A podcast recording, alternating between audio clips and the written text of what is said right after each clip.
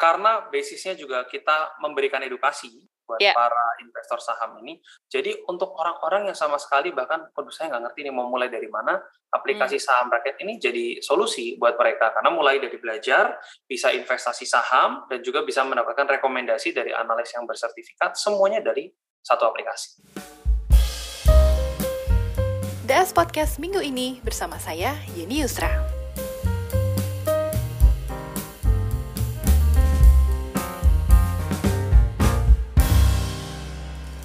Kevin, apa kabar? Halo, baik kabarnya. Terima kasih uh, Daily Social sudah uh, sering ngobrol sama kita. Terima kasih juga sudah meluangkan waktu ya. Uh, I know how busy you are. Uh, Waduh, end terima kasih. Uh, end of year pasti banyak kerjaan, banyak uh, PR-PR yang harus uh, diselesaikan. Tapi before we dive in into the conversation, Kev, mungkin Kevin bisa uh, menjelaskan saham rakyat itu sebenarnya apa sih? Saham rakyat itu aplikasi belanja saham pertama di Indonesia. Kita mencoba untuk mempermudah uh, jual beli saham yang biasanya itu dianggap orang seperti sesuatu yang sulit, uh, mainannya orang kaya, mainannya orang pinter. Kita coba untuk membuat itu menjadi mudah dengan konsep seperti belanja di e-commerce. Kurang okay. Kalau kita lihat kan uh, investasi digital ya, investasi online sekarang uh, selama dua tahun terakhir kan makin banyak nih pilihannya ya. Dan saham rakyat itu termasuk platform yang fokusnya hanya di saham aja. Kenapa sih memilih ke jalur itu, Kev? Oke, karena uh, kalau aku pikir kalau ngomongin tentang investasi, uh, ya entah itu saham atau kripto atau reksadana itu kan sebetulnya yang paling mudah dipahami itu adalah saham. Kalau menurut versi okay. kita, karena yeah. berinvestasi di saham itu seperti kita berinvestasi di sebuah bisnis. Sama aja kalau ada uh, warung bakso gitu dia butuh dana ya kita uh, investasi yaitu sebetulnya konsep saham itu seperti itu. Dan okay. konsepnya sebetulnya kan bagi hasil, dividen hmm. itu kan bagi hasil bisa dibilang, sehingga hmm. mudah dimengerti orang-orang Indonesia. Dan kita believe uh, kalau di saham itu karena dilindungi juga oleh OJK, memiliki bursa efek yang pastinya sudah uh, terregistrasi dan sudah dengan aturan yang ketat. Nah, kita hmm. ingin uh, nasabah kita ini juga aman. Kalau kita lihat uh, perbandingannya saham investasi saham dulu sebelum akhirnya sekarang platform digital mulai mengcater itu apa sih dari sisi trust atau dari sisi demografi atau dari sisi behavior ada perbedaannya nggak sih investasi saham dulu dengan yang sekarang, Kev? Oke, okay. kalau dibandingkan dengan dulu, uh, mungkin 10 tahun yang lalu, uh, demografinya jelas berbeda karena yeah. kebanyakan orang-orang yang berinvestasi itu orang-orang yang sudah dewasa, bahkan institusional yang memang pasti orang-orangnya ini orang-orang yang yang berdasi lah bisa iya, dibilang. Yeah. Yeah. Kalau dibandingkan dengan sekarang demografinya itu uh, kalau dilihat dari data sekitar 60-70 persen itu bahkan uh, millennials.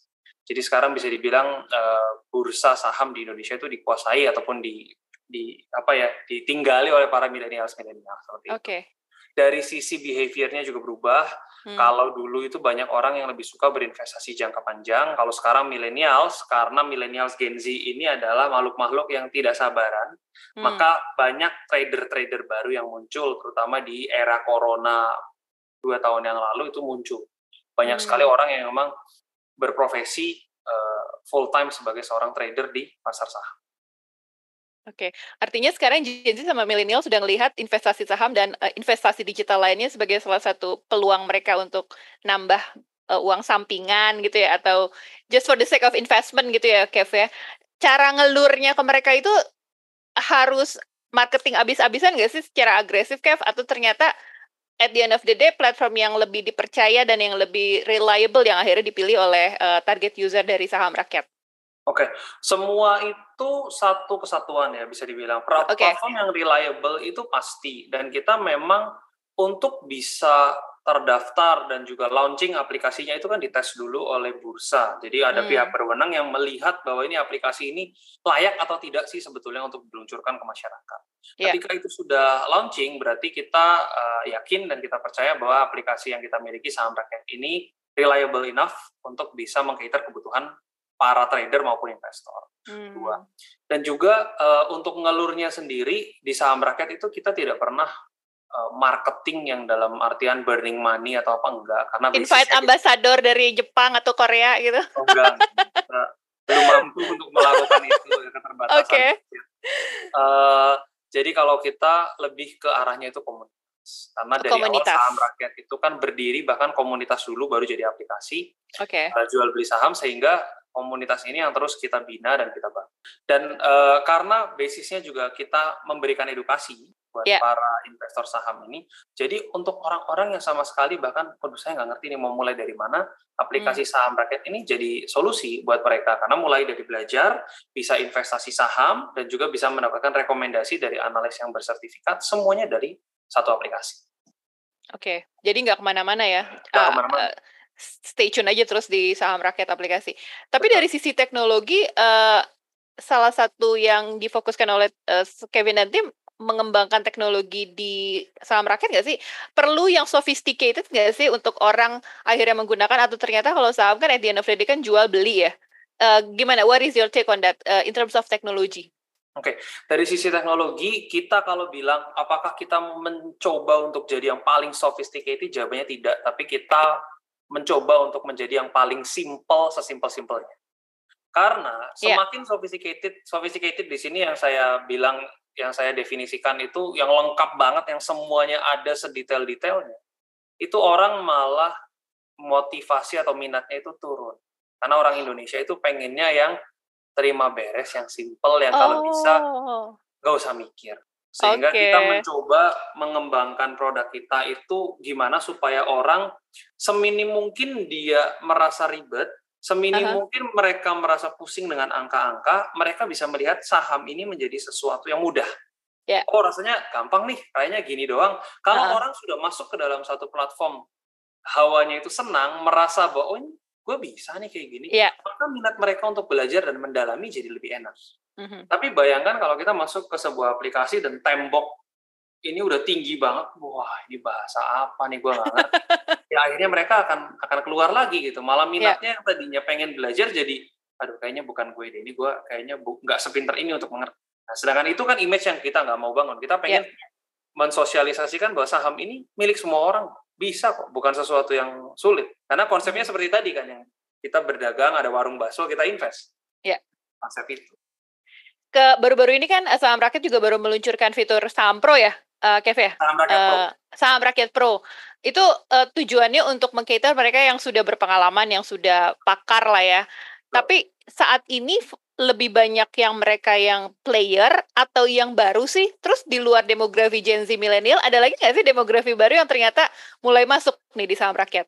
Oke, kalau di saham rakyat sendiri itu sebetulnya yang uh, demografi yang cukup surprising buat kita adalah banyaknya ibu-ibu millennials uh, dan juga ibu-ibu muda lah umur 30, 35, 40 yeah. yang mereka itu uh, tadinya tidak mengerti tentang uh, investasi tapi masuk di aplikasi kami, kami berikan hmm. edukasi dan ternyata mereka menemukan wah ternyata daripada uh, scroll-scroll belanja online seruan begini ya iya. investasi yeah. saham. Nah, jadi uh, banyak yang dari mereka bergabung di saham rakyat dan menjadi full time trader sekarang. Itu iya. surprise. Yeah. Nah, dengan adanya saham rakyat pro sendiri memang betul banyak pemain-pemain uh, lawas lah istilahnya yang memang sudah expert di bidang saham mereka datang.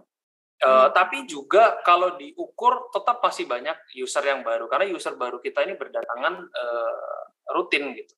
Dan orang Indonesia okay. 97% memang tidak mengerti ataupun belum belum paham mengenai saham. Jadi kalau dibilang ya banyak sekali user user-user baru kita. Oke. Okay. Uh, artinya saham uh, buat mereka yang mau lebih advance bisa ke saham rakyat pro, tapi mereka yang beginner uh, saham rakyat yang versi light-nya atau yang Betul. biasanya dan gitu itu, ya. Dan itu satu aplikasi ya, jadi jangan bukan okay. dua aplikasi. Jadi modelnya hanya di switch saja seperti hmm. ada toggle di situ, mau yang pro atau mau yang light dan semuanya itu gratis. Oke, okay. uh, mungkin Kevin juga ngikutin ya berita yang terjadi di dunia kripto baru-baru ini ya FTX dan uh, Binance. Kalau Kevin ngelihat apa yang terjadi dengan dunia kripto mempengaruhi investasi digital nggak sih di Indonesia khususnya ya, terutama saham. Orang jadi makin takut nggak sih ketika mereka mulai ah investasi digital takutnya nanti kayak yang terjadi sama FTX lagi. Ada ada pengaruhnya nggak sih Kev? Apa ternyata malah jadi ngebus orang-orang untuk investasi saham uh, di reksadana secara digital? Oke, pertama saya ini bukan pakar kripto ya, jadi saya cuma dengar beritanya. Tapi yeah. kalau ditanya apa yang terjadi, saya mungkin nggak berkapasitas untuk menjawab. Oke. Okay. Tapi kalau dilihat dari, kita kan lihat dari data kita pribadi ya. Yeah. Kalau kita sih sebetulnya nggak ada pengaruhnya. Nggak ada pengaruh. Mungkin mungkin bisa dibilang malah justru menambah traffic orang yang oh tadinya mau berinvestasi kripto tapi mungkin belum yakin, lalu uh -huh. akhirnya udah saham dulu deh. Oke. Okay karena kripto kan lebih butuh dedikasi yang cukup tinggi karena dia Betul. marketnya 24 jam buka terus yeah. kan karena tutup sedangkan yeah. saham mungkin lebih terjadwal. Jadi in a way blessing in disguise ya. Jadi orang ah udah deh kripto nanti dulu deh mendingan gue ke yang udah jelas-jelas aja di saham rakyat semuanya ada gitu ya. Kira-kira seperti itulah ya. Ya mungkin ya. Oke, okay. untuk mereka supaya lebih percaya lagi uh, dengan investasi digital nih triknya Kevin dan tim apa sih? Uh, apakah kegiatan marketing gede-gedean tapi tadi uh, Kevin ngelihat nggak terlalu gede ya atau uh, fitur yang lebih uh, user friendly atau gimana nih supaya lebih banyak lagi user baru investasi saham uh, secara digital gitu Kev? Oke, okay. yang selalu kita promosikan nomor satu itu adalah keamanan karena hmm. kan kita ini memang uh, under OJK yeah. dan saham itu memiliki sistem uh, transaksi yang menurut saya itu sangat transparan. Kita di saham okay. rakyat itu kan tidak mengelola dana. Jadi ketika ada nasabah yang buka akun investasi di saham rakyat, mereka akan otomatis dibukakan rekening BCA ataupun BRI atas nama pribadi. Jadi bukan okay. atas nama saham rakyat. Ketika hmm. ada transfer dilakukan, transfernya ke bank BRI ataupun BCA atas nama pribadi. Sehingga in the first place saham rakyat itu tidak memiliki kuasa atas uh, dana nasabah Yeah.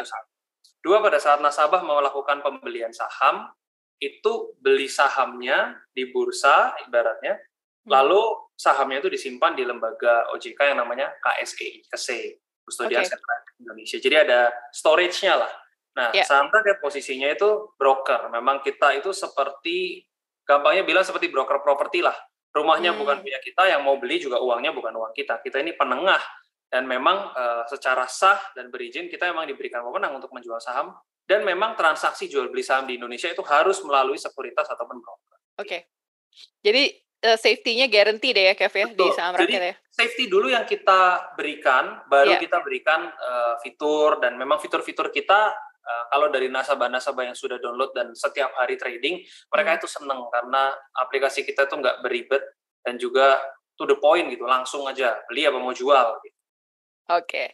Terakhir nih Kev, what next nih untuk saham rakyat nih? Uh, usianya udah dua tahun ya? Correct me if I'm wrong nih Kev. Dan uh, kalau aplikasinya launchingnya waktu kita pertama kali interview ya bulan Februari. Ah, tahun berapa sih itu? 2002 deh? Apa 2021 2022. Oh my god, masih masih, masih baby, kita. masih baby masih ya. Baby Tapi sekarang. lumayan ya, uh, growth-nya lumayan dan nextnya tahun 2023 targetnya apa nih untuk Kevin dan tim? Oke, okay. kalau sebelum 2023 kita di akhir bulan ini itu ada launching lagi ini surprise nanti tanggal 30 Oke. Okay. Sosial mudah-mudahan bisa hadir. Jadi kita yeah. ketemu langsung jangan online-online terus. Nanti mampir kita undang. benar, ya. benar, benar. Dan 2023 uh-huh. kita sih masih berdoa dan berharap kita bisa menembus satu juta user. Nah, okay. caranya gimana ya? Kita ini mungkin berdoanya harus lebih kenceng gitu. Oke, terima kasih Kevin atas waktunya. Sama-sama. Ditunggu update bisnis dari saham rakyat dan kejutan-kejutan lainnya. Sukses terus ya buat saham rakyat Amin. ya. Terima kasih ya. Oke, bye Kevin. Bye. DS Podcast minggu ini bersama saya Yeni Yusra.